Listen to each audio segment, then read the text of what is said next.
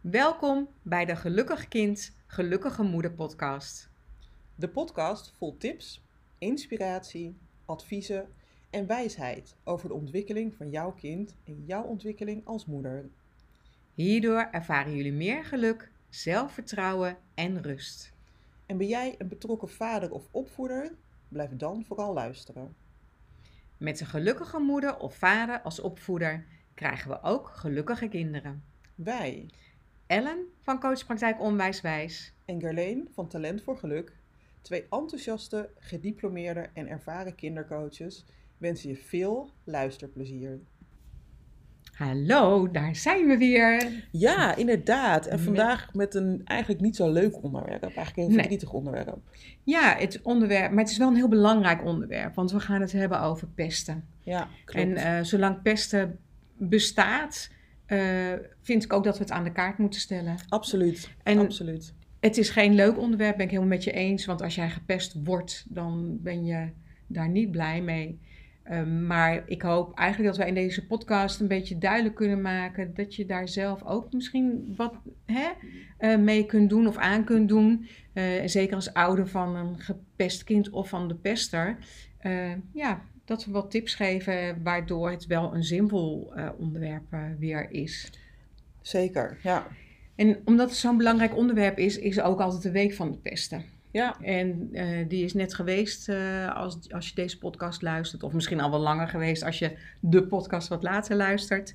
Ehm, en de slogan bij die week was: grapje moet toch kunnen. En ik vind het zelf een super slogan. Ehm, want wij zeggen heel snel: ach, is maar een grapje. Weet je, maak je niet zo druk, zeg je eigenlijk tegen de ander. Maar we vergeten vaak wat het met de ander doet. En dat is zeker bij kinderen.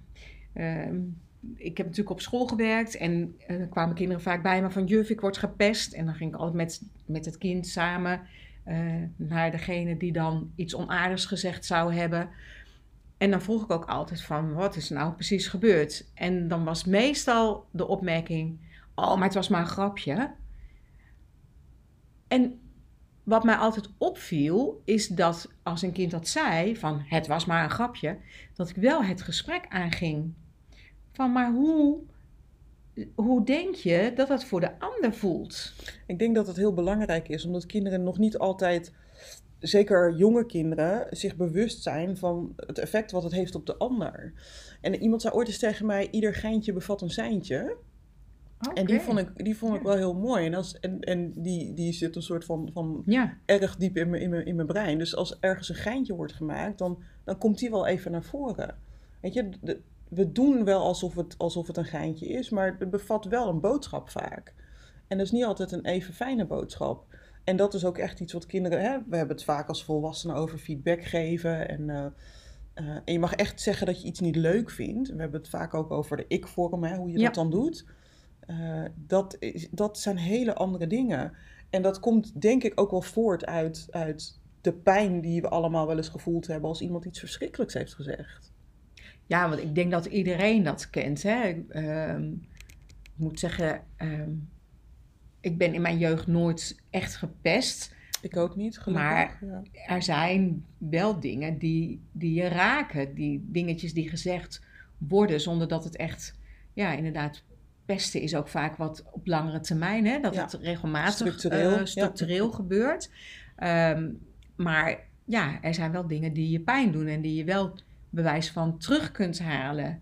Ik, zo vergeet ik nooit. Misschien heb ik dat niet al een keer verteld over dat ik in de natuurkundeles zat eh, met twee meisjes. eh, en in een groep van 30 leerlingen op de middelbare school, twee meiden, wij zaten achterin. En in die tijd was het eh, mode om eh, bloemen in je haar te hebben.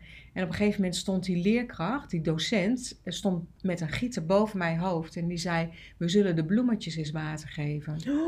Wauw. En weet je, ik, dat was eenmalig en ik had echt zoiets van, nou, maar ik ga, jij gaat mij er niet onder krijgen. Dat weet ik ook nog dat ik dat heel erg sterk dacht. Zo van, rug rechts, hoofd omhoog en als hij water giet, dan giet hij maar water. Maar ik laat me niet kennen. Maar eigenlijk is dat ook een vorm van pesten. Ja, ook al absoluut. gebeurt het maar één keer. En, en wat ik in dit voorbeeld echt verschrikkelijk vind, is dat je natuurlijk een, een enorm machtsverschil hebt, een machtsverhouding. Mhm. Want hij is de volwassene, hij is de leerkracht. Hij zou eigenlijk de wijze moeten zijn. Ja. En, en hè, ieder geintje bevat een seintje. Dit is absoluut geen leuk geintje. Sterker Nee. nog, ik vind het hartstikke walgelijk. Ja, maar de, de, ehm, de andere, de 30 jongens, zeg maar, die hebben dezelfde soort humor. Soms denk ik ook wel het ligt ook wel een beetje aan de manier van humor hebben. Nou, die lachten natuurlijk allemaal, want die vonden het, die vonden het heel grappig. Ik, kan er, ik vind het mooi dat je dit zegt. Want ik denk ineens, oh ja, leedvermaak. Ik kan daar soms ook zo boos over worden. Ik weet nog dat ik een vriend had en die, die was iemand aan het uitlachen voor iets, een of het ander. Ik heb hem daar echt op aangesproken. Ik vind dat gewoon niet grappig. Nee, Ik vind dat niet grappig. En is leedvermaak een vorm van pesten? Nee, dat denk ik niet. Maar het, is wel, het kan wel heel vervelend overkomen voor de ander. Dus ik Ja. hou daar echt niet van. Als je een grapje wil maken, maak dan een leuk grapje, zeg ik, wat zeg ik dan ook. Ja, en ik zeg ook altijd, weet je, grapjes zijn ook leuk als het niet over één persoon gaat of over een groepje. Maar als het gewoon over iedereen gaat of over helemaal geen personen, dan zijn grapjes leuk. Ja. Ehm, dan, dan kan eigenlijk iedereen erom lachen. En zelfspot is, vind ik dan ook, weet je, want dan Ja, doe je het zelf. maar- dan ja. is dit, hè, dat, en als mensen daarom lachen. Eh, we hadden net een gesprekje, Ellen en ik, voordat we deze podcast op gingen nemen. En eh, eh, over jouw vakantie, waar je hè, laatst met je gezin. en dat, jullie dan, dat ik dan vaak ter sprake kwam en dat jullie dan gezegd hadden: ja, want Carlene is zo lui. En in mijn eerste reactie dacht ik: hallo, ho- hoezo? En toen zei ze: ja, maar dat heb je zelf gezegd. En dacht ik: oh ja, dat klopt, dat zeg ik heel vaak van mezelf. En dat is wel eigenlijk een vorm van zelfspot. En dat is wel grappig als iemand anders dat dan zegt, dat mijn eerste reactie is van, hallo, hoezo? Weet je, ik doe heel veel dingen en ik werk heel hard, hoezo ben ik lui? En toen je dat erbij zei, toen dacht ik, oh ja, dat is wel een stukje zelfspot. En dan is het, weet je, dan is het, dan is, dan komt het, dan is het anders, dan ervaar ik het anders. Ja, en het is goed dat je het wel op dat moment ook benoemt, want het klaart wel de lucht. Want het Ja. was voor mij eh, eigenlijk inderdaad, het kan heel hard aankomen. Dus op dat moment, ehm, m- ja, realiseerde ik me eigenlijk ook niet wat ik zei, hè, wat dus heel vaak gebeurt. Klopt, ja. Ehm, en dan zeg je dus, ja, maar het was maar een grapje. Maar als het echt bij jou binnen was gekomen als zijnde van, ja, maar dit raakt mij echt. Dan is het ook niet meer dan normaal dat je dan zegt van, sorry Ghislaine, ja, zo was het helemaal niet bedoeld. ja, Mijn excuus en ik zal het volgende keer niet meer doen. ja, Maar dat gebeurt ook heel weinig, vind ik, met kinderen. Want dan wordt er gezegd, ja, grapje. En ehm, dan hoor je nog wel eens een leerkracht zeggen van, nou, zeg maar even sorry. En dan wordt er zo op zo'n maniertje gezegd, ja, sorry. En dan denk ik, ja, weet je, dan kun je net zo goed niks zeggen. Hebben ze er iets van geleerd? Hebben ze er iets van meegenomen? Nee, daar ben ik helemaal met je eens. En dat is wel echt gewoon heel krachtig. Als je, als je kunt zeggen... Als, want een grapje is ook een vorm van, van eh, niet verantwoordelijk willen zijn... voor hetgeen wat je hebt gedaan. Of wat Ja. je hebt ja, aangericht. Klinkt een beetje zwaar, dat is niet wat ik bedoel. Maar ja, wat je, wat, wat- voor hetgeen wat je hebt gedaan. Het is een soort van... Oh ja, ach, grapje, maakt niet uit, weet je. Dat ligt niet aan mij of zo. Nee, je hebt iets gezegd wat de ander heeft geraakt. En daar mag je verantwoordelijkheid voor nemen. Zoals jij dat zo mooi in het voorbeeld van net noemde. Ja, En wat ik heel belangrijk vind aan pesten, is dat het echt wel een belangrijk onderwerp is. Hè? Scholen zijn ook verplicht om een antipestprotocol te hebben. Mhm. En dat, de, dat gaat ook altijd mee in de, onspec- in de inspectie van, eh, in de, van eh, eh, de het gaat altijd mee in het rapport van de onderwijsinspectie. Ja, Zo, kwam even niet uit. ja, en, en ondanks dat, dat er heel veel manieren en ideeën en, en, ehm, en gedachten zijn over pesten, om pesten de kop in te drukken, bestaat het nog. En dat vind ik wel echt heel verdrietig. En wat ik ook heel lastig vind, en dat is echt iets van deze tijd, hè, waar wij als, als eh, kindercoaches die deze podcast inspreken, en, en jij waarschijnlijk als ouder die luistert, eh, dat niet hebt meegemaakt. Maar sinds de komst van internet en Ja. social media is cyberpesten heel, heel erg. Dat is, dat is echt een ding. En het, het lastige van cyberpesten, ik noem dat altijd de beeldschermhelden. Hè, achter een beeldscherm durven ze van alles te zeggen. En dan denk ik, ja, maar zou je het, Mhm. als je voor me zou staan, zou je precies hetzelfde zeggen. En dat, dat, dat kan ook zo ontzettend raken, omdat dan kan het zelfs nog gemener zijn. Hè, je merkt in, met pesten, als dat een groepje is, en vaak is eentje de voorloper en zijn er een aantal meelopers, maar als je die ene pester één op één zou tegenkomen, dan is de kans heel groot dat hij niks zou zeggen tegen het kind wat gepest wordt. Maar alleen in dat groepje waar dat dan in gedragen wordt. En dat heb je met cyberpesten natuurlijk niet. Hè, omdat die confrontatie er niet is. Mhm. Nou, ik noem het maar even braken. Braken ze van alles eruit over degene die gepest wordt. En dat is, dat, dat is extra verdrietig en kan heel erg hard overkomen. Ja, daarom raad ik ouders ook heel vaak aan van joh, kijk af en toe toch echt mee op die telefoon ook. Want tegenwoordig eh, is het zo makkelijk inderdaad. eh, in een eh, app, hè, ehm, niet eens meer via de computer, maar tegenwoordig via de telefoon een app. En dan wordt er gewoon inderdaad iets geroepen of in een, een groepsapp van de, van de klas wordt vaak ook hele negatieve dingen gezegd over elkaar. En als jij als ouder ehm, aan je kind duidelijk maakt dat je je kind wil helpen en dat je dus eigenlijk mee wil kijken in, in die eh, appgroep, dan kan je nog steeds wel je, de privacy van je kind waarborgen. Dat je bijvoorbeeld hè, eh, een goede vriendin waar ze een app contact mee hebt, dat je daar niet in kijkt. Maar bepaalde dingen, dat je dat toch echt regelmatig meekijkt. Of het met je kind daar ook over hebt. Hè, van, goh, ehm, merk je dat er, eh, ehm, dat er onaardige dingen gezegd worden in de groepsapp? Want leerkrachten eh, en docenten zijn zich daar misschien wel van bewust, maar die kunnen er niks mee. Nee, en die, Want- ja. Die zitten niet in die app. Maar als jij als ouder het leest, kan jij wel daarna, want ik zou dat niet als ouder zelf aankaarten. Ik zou dan inderdaad wel naar de docent gaan en zeggen van joh, dit gebeurt er in de groepsapp eh, van school. Besteed daar een keer aandacht aan. Ik vind het heel mooi hoe je het zegt, hè? dat je het vanuit het oogpunt doet om je kind te helpen. En dat is uiteindelijk ook waar eh, eh, vele delen van de opvoeding over gaat. Weet je, Hmm. je leert het je kind om het zelf te doen. En je kind heeft het nog niet zo goed in de gaten of weet vaak niet zo goed hoe het ermee om kan gaan. En dan is het gewoon heel erg fijn dat iemand meekijkt. En, en in gesprek gaan met je kind is voor mij ook van, goh, hoe, hoe zou het anders kunnen? Of wat zou jij een goede oplossing vinden als reactie op wat, wat Pietje of, of Klaasje Ja. of, of, of ehm, eh, Lisanne heeft gezegd, om maar even ook een vrouwennaam bijeen te gooien. Ehm, daarmee zorg je ervoor dat je kind, ik wil niet het woord weerbaar gebruiken, maar wel er op, op een goede manier mee om kan gaan. En ik denk dat dat heel erg belangrijk is. Ja, want ze moeten zichzelf eh, kunnen realiseren, inderdaad ook weer, hè, van wat doet het met een ander. Want als je leest dat een ander, zeg maar, ehm, negatieve woorden eh, tot zich krijgt, dan hoeft het jou niet te raken. Maar als je weet wat het betekent, dan kan je wel voorstellen van, hé, hey, het raakt mij niet, maar het raakt die ander waarschijnlijk wel, dus dan mag ik er ook iets mee doen. Want niet zo erg als meelopers. Ja, dat klopt. Want de pester, eh, dat is dan niet bij, bij, bij social media, hè, maar wat jij net aangaf, in levende lijven. De pester blijft bestaan eigenlijk door de meelopers eromheen.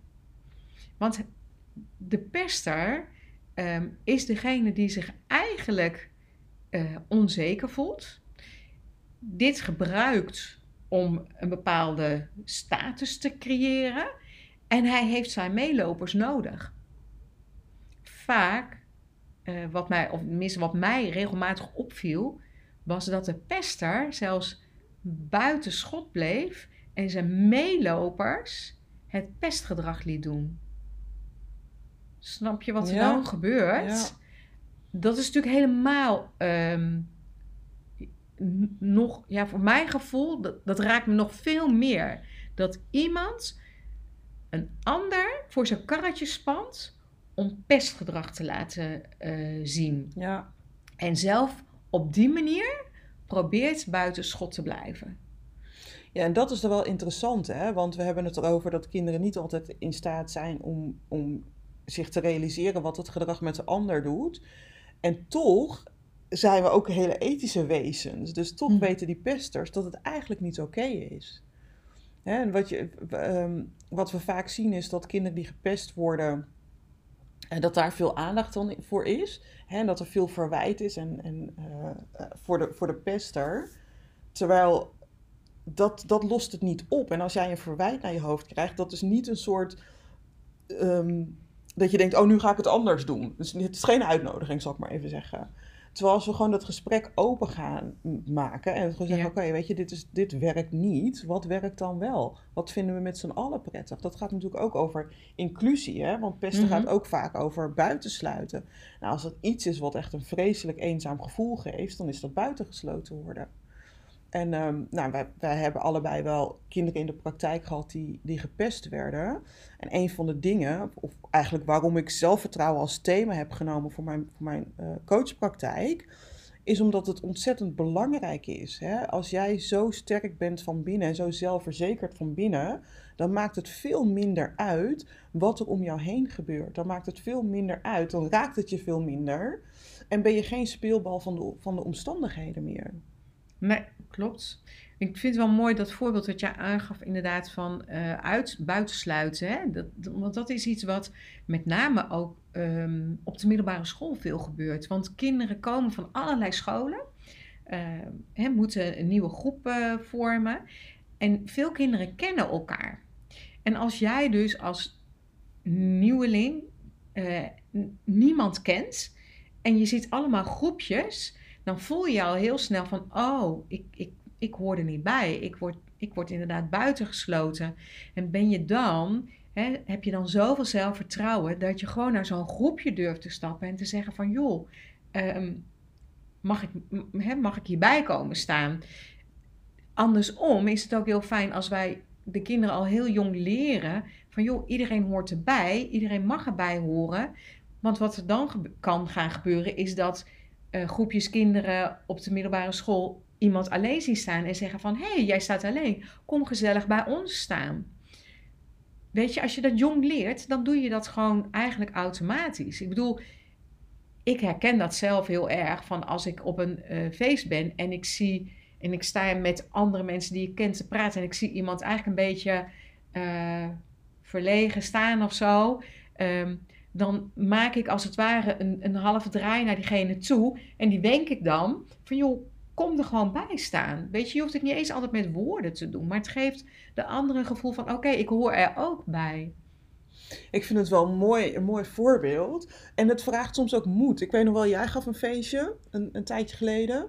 En ik was op jouw feestje en ik kende daar niemand. En ja, weet je, als je de host bent, dan praat je met iedereen. Dus ik kan ook niet de hele avond met jou gaan praten. Weet je, dat is ook niet zo, niet zo aardig voor de rest van de gasten. En eh, op een gegeven moment kwam ik aan een tafel te zitten. En ik had gevraagd of ik erbij mocht zitten. En het waren allemaal mensen die elkaar kenden. En eh, ik, dat verhaal te vertellen ben, denk ik, volgens mij ben ik echt een beetje aan het, aan het, aan het uitwijken, maar oké. Ehm, en ze hadden het ergens over en ik had geen idee waar het over ging. Maar op, na verloop van tijd merk je dat het gesprek dan verandert en dat ze mij daar ook in, in, in betrokken. Dus het is een hele menselijke eh, behoefte, beide kanten op, om, om geïncludeerd te willen worden, maar Ja. ook om een ander erbij te willen. Omdat we zelf ook weten hoe, hoe ja, lastig en vervelend het kan zijn. Ja. Ja, als je er niet. eh, ja, en ongemakkelijk vooral ook, weet je wel, op ja, zo'n zeker, feestje. zeker. Ja. Ja. En wat ik ook, ehm, wat je net aangaf, hè, van ehm, dat jij probeert juist die kinderen die in jouw praktijk komen meer zelfvertrouwen te geven, hè, zodat ze ehm, dat het minder binnenkomt, dat ze beter weten hoe ze ermee om moeten gaan. Ehm, ik vind het eigenlijk, vind ik het, hè, dus echt een persoonlijke mening, heel opvallend dat altijd het gepeste kind eh, gestuurd wordt. Hè? Ook vaak door, door leerkrachten, door docenten. Als ouders dan zeggen, ja, mijn kind wordt gepest. Of eh, hè, het kind geeft zelf aan, ik word gepest. Dan wordt er heel vaak gezegd, ga maar op eh, weerbaarheidstraining. En dan denk ik, ja, dat is leuk. Maar waar stuur je de, gepe- de pester heen? Ja, Want hem- ja, eens. Ik vind eigenlijk dat de pester naar sociale vaardigheidstraining moet. Want die, die pester, of dat hij gecoacht moet worden. Want die pester doet het ook vaak met een bepaalde reden. En zolang wij die pester niet helpen, zal Blijft die blijven bestaan. pesten. Ja, blijft het gedrag bestaan. Ja, Nee, helemaal eens, hè. En, eh, en dat- helemaal eens met jouw visie. En tegelijkertijd vind ik ook... Ik krijg vaak mensen die zeggen van... Ja, waarom coach je de kinderen? Het ligt toch altijd aan de ouders? Ik denk, nou, zo zwart-wit is het niet in mijn beleving. Ehm, maar ik vind het ook echt belangrijk dat. Kijk, als je alleen de pester aanpakt, ehm, dan geef je eigenlijk ook een signaal van: oh, jij hoeft niks te doen of we pakken de dingen buiten jou aan. En ik vind zelfvertrouwen gaat ook echt over waar heb je zelf zeggenschap en invloed Mhm. op. En dat is wat ik natuurlijk doe en dat doe je trouwens ook in je, Ja, in je praktijk. Waar heb je zelf invloed op en hoe, hoe kan jij die invloed eh, inzetten en gebruiken? Dus ja, ik ben het met je eens. We moeten ook absoluut iets met die pester doen, hè, want die mag niet buiten schot blijven. Ehm, en tegelijkertijd vind ik dat sterk worden van binnen vind ik ook heel belangrijk voor de gepesten. En dan heb je het wel over dat je allebei aanpakt. Want als je inderdaad alleen degene die gepest wordt aanpakt, ja, dan geef je eigenlijk ook een beetje een signaal mee van, oh ja, weet je, jij wordt gepest, dus daar moet, dat, dat is niet Ja. goed. Dus daar moeten we iets mee doen. Weet je, ja, dat versterkt eigenlijk alleen maar het gevoel van, oh ja, weet je, het- ligt aan mij of er is iets mis met mij. Ja. En dat is gewoon absoluut niet waar. Dus ik ben het absoluut met je eens dat we, dat we beide, ehm, beide facetten in dit verhaal eh, eh, hulp mogen bieden. En ik, ik denk ook dat ehm, ouders van eh, pesters het vaak ook meer zien inderdaad als dat grapje waar we het over hebben. En dat komt vaak weer voort uit je eigen jeugd. Hè? Want wat jij zei, zei van dat mensen zeggen van ja, waarom coach je de ouders niet en waarom coach je het kind? En dan denk ik, ja, daar zit ook vaak wel iets, hè?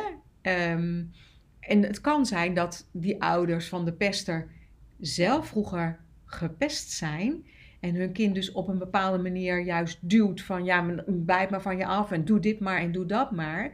Het kan ook zijn dat die ouders ook vroeger de pester waren. En ook dat is iets waar je denk ik zelf ehm, over na mag denken. Wat is de reden dat ik ben gaan pesten? Want er zit altijd iets onder. Want je gaat niet zomaar pesten. Absoluut, je zei het al, het is onzekerheid en het, het is ook ja, mensen die ongelukkig zijn. Ik zeg altijd, Ja. mensen die gelukkig zijn, die doen geen andere mensen pijn. Die hebben dat niet nodig. Weet je? Die, die, die zitten in een hele andere energie, een hele andere, hele andere staat, st- staat van emotie, zal ik maar zeggen. Ehm, dus ja, nee, daar ben ik absoluut met je eens.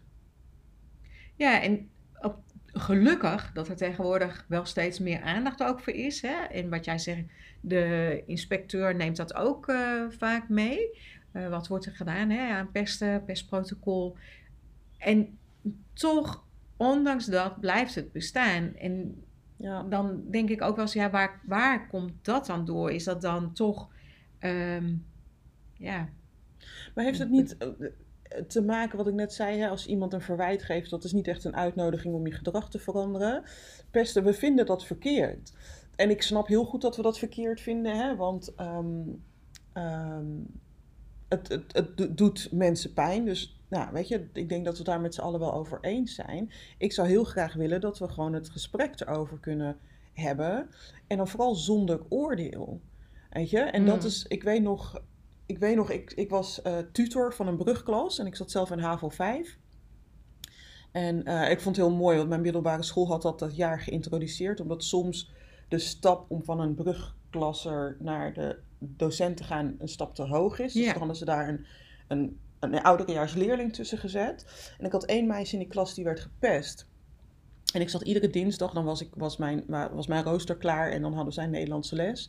Dus ik had met die leraar Nederlands afgesproken dat ik dan bij hun in de klas kwam zitten. Omdat ik het belangrijk vond om, om zichtbaar en, en benaderbaar te zijn voor ze. En dat meisje kwam bij me, die werd gepest. En, eh, dus ik had uiteindelijk met die leraar afgesproken dat ik een tweeluik zou, zou doen in de Nederlandse les. En toen dacht ik, oh, die, die grijp ik aan om het over pesten te hebben. Dus ik had ergens een video, ja echt, een, een video, videoband gevonden. Eh, van een verhaal van een jongen die gepest werd, ernstig gepest, en uiteindelijk zelfmoord heeft gepleegd. En ehm, ik heb dat, ik heb dat in de, eh, die video laten zien. En dat is natuurlijk best een hele heftige boodschap.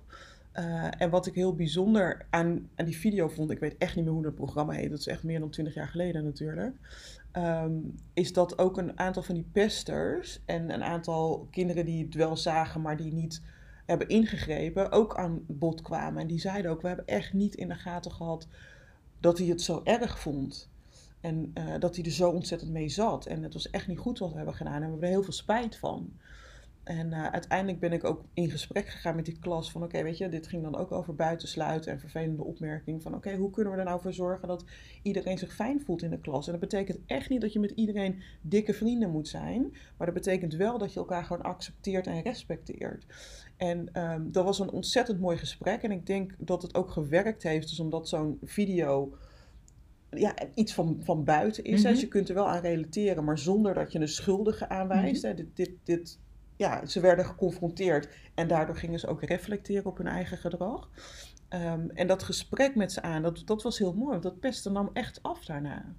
En dat, ja, en, en dat zou ik zo graag willen, dat we met elkaar dat gesprek aangaan. Want dat is de eerste stap. Hè? Dus pesten is nooit oké. Okay. En ik denk dat we het daar met z'n allen over eens zijn. En dat we er ook iets aan, aan, ik gebruik liever niet het woord moeten, maar in dit geval wel, dat we er ook echt iets aan moeten doen. En dat begint met elkaar, het begint met het uitspreken. Mm -hmm. want ik geloof, ieder babytje was lief. He, mm -hmm. Zelfs een pester, die de meest, de meest vreselijke pester, was een lieve baby. Dus we hebben dat allemaal in ons. En soms zijn we zelf pijn gedaan en gebeuren er van alles en dan vergeten we dat even. Maar als we terug kunnen naar die basis van liefde, dan is daar inclusie. En nogmaals, het gaat er niet over dat je met iedereen de beste vrienden hoeft te zijn, maar dat gaat wel over acceptatie en over respect.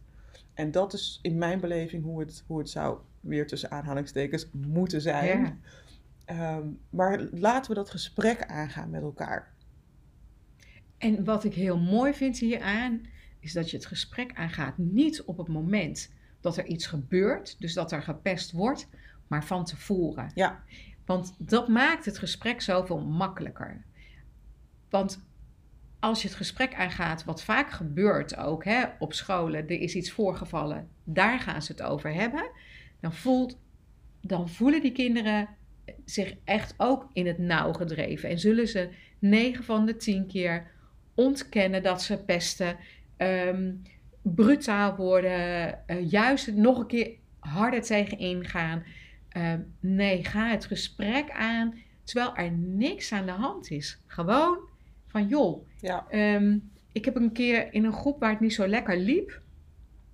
Um, de leerkracht ondersteund en hebben we ook dit soort lessen gegeven over wat is nou, nou pesten. En helemaal niet over wat er in die klas gebeurt, maar gewoon heel algemeen.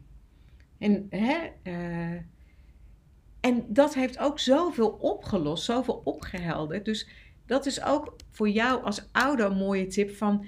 ga gewoon soms eens dat gesprek aan over uh, pesten. Ofte, oftewel, hè, van hoe ziet jouw kind dat? Uh, hoe ervaart jouw kind dat? Heeft het, weet je, dan is het minder beladen. Absoluut. Uh, en kun je veel meer met elkaar bereiken. Ik vind het zo mooi wat je zegt, uh, Ellen. Want ik ben een enorme voorstander van, van preventief te werk mm-hmm. gaan. In plaats van curatief. En dat heb je mooi onderstreept hierin. Um, ja. Punt. Dank je. Fijn dat je naar deze podcast hebt geluisterd. In mijn praktijk, Onwijswijs, help ik tieners om zonder angst en vol zelfvertrouwen het leven te leven. Wil jij voor jezelf of je dochter vast een voorproefje? Download dan mijn Onwijs Happy doetijdschrift op www.onwijswijs.nl. In het Onwijs Happy tijdschrift vindt jouw dochter 7 oefeningen om een happy gevoel te krijgen. De oefeningen kunnen jou als moeder ook helpen om je weer happy te voelen. Wil je liever een gesprek om te horen wat ik voor jou en je tiener kan betekenen? Maak dan kennis met mij tijdens een kosteloos kennismakingsgesprek. Hiervoor kun je je aanmelden via mijn website. Wat fijn dat je weer naar deze podcast hebt geluisterd. Mijn wens is dat het heel waardevol voor je is, maar vooral dat je de kennis, inspiratie en wijsheid toepast in duidelijke acties, hoe groot of klein ze dan ook zijn. Want iedere stap leert je iets nieuws en brengt je dichter bij je doel. En daarom heb ik speciaal voor jou als luisteraar van deze podcast iets bijzonders. Ik vermoed namelijk dat je deze podcast luistert omdat je ergens mee zit en daar een oplossing voor wilt. Nu is deze podcast vrij generiek, maar in mijn ontdekgesprek gaan we specifiek in op jouw vraagstuk en uitdaging. Dit gesprek kost normaal 80 euro, maar voor jou als luisteraar krijg je het van mij cadeau. Je krijgt dus een uur van mijn tijd alleen voor jou en geënt op jouw persoonlijke situatie. En voordat we elkaar spreken, ontvang ik van je gerichte informatie. Op die manier bereid ik dit gesprek tot in de puntjes voor en haal jij er de meeste waarde uit. Na afloop krijg je ook nog een gedetailleerd verslag van het gesprek. Iedere week heb ik ruimte voor twee gesprekken. Aanmelden kan via www.talentvoorgeluk.nl slash ontdekgesprek. Gebruik de code podcast voor 100% korting.